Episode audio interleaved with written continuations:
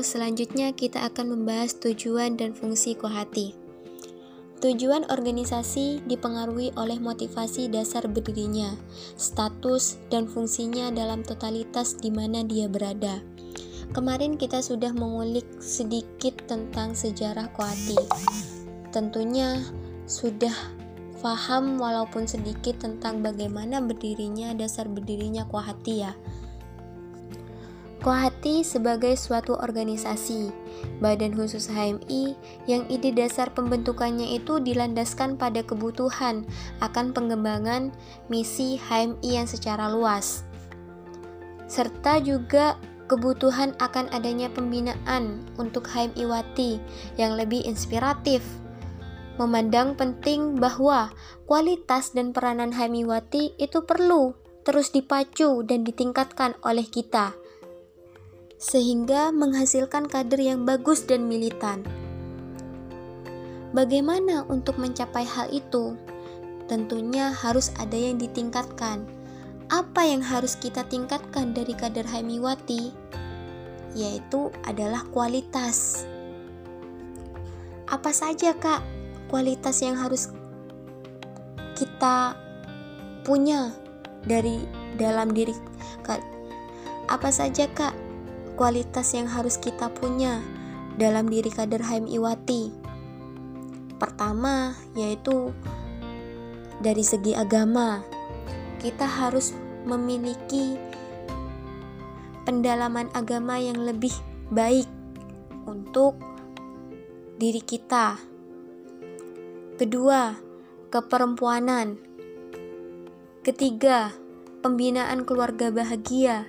Yang keempat, kesehatan. Yang terakhir adalah pendidikan.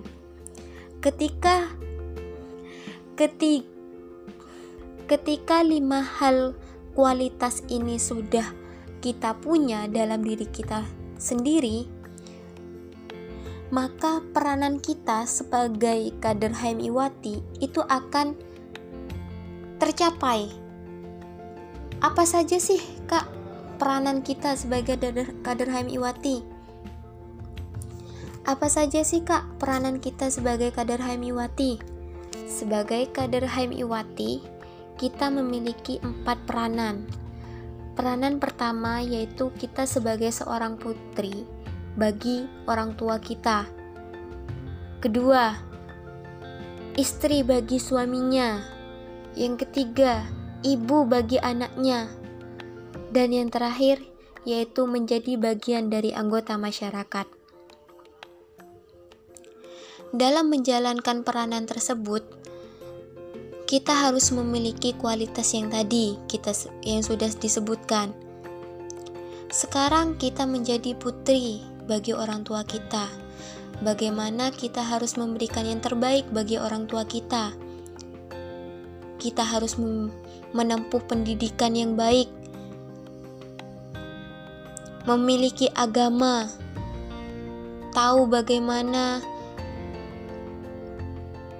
menjaga kesehatan kita, dan juga faham bagaimana diri kita masing-masing.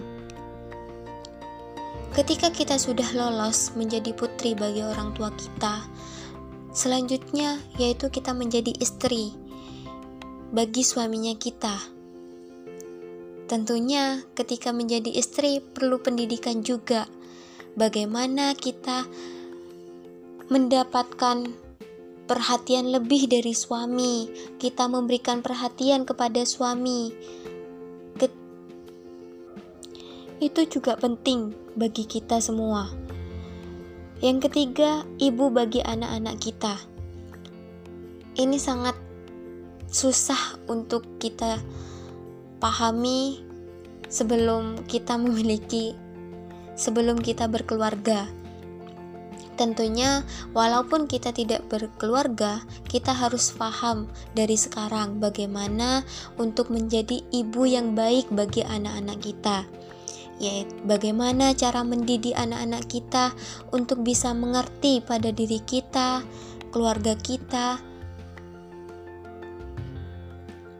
dan juga masyarakat.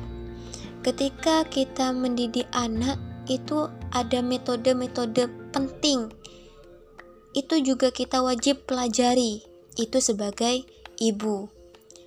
Yang terakhir, kita sebagai anggota masyarakat. Nah, sebagai anggota masyarakat, kita juga harus memiliki adab yang baik kepada mereka. Dari semua peranan itu akan muncul bagaimana tujuan dari Kohati, yaitu terbinanya muslimah berkualitas insan cita. Itu adalah tujuan dari Kohati. Berkualitas insan cita bagaimana, Kak?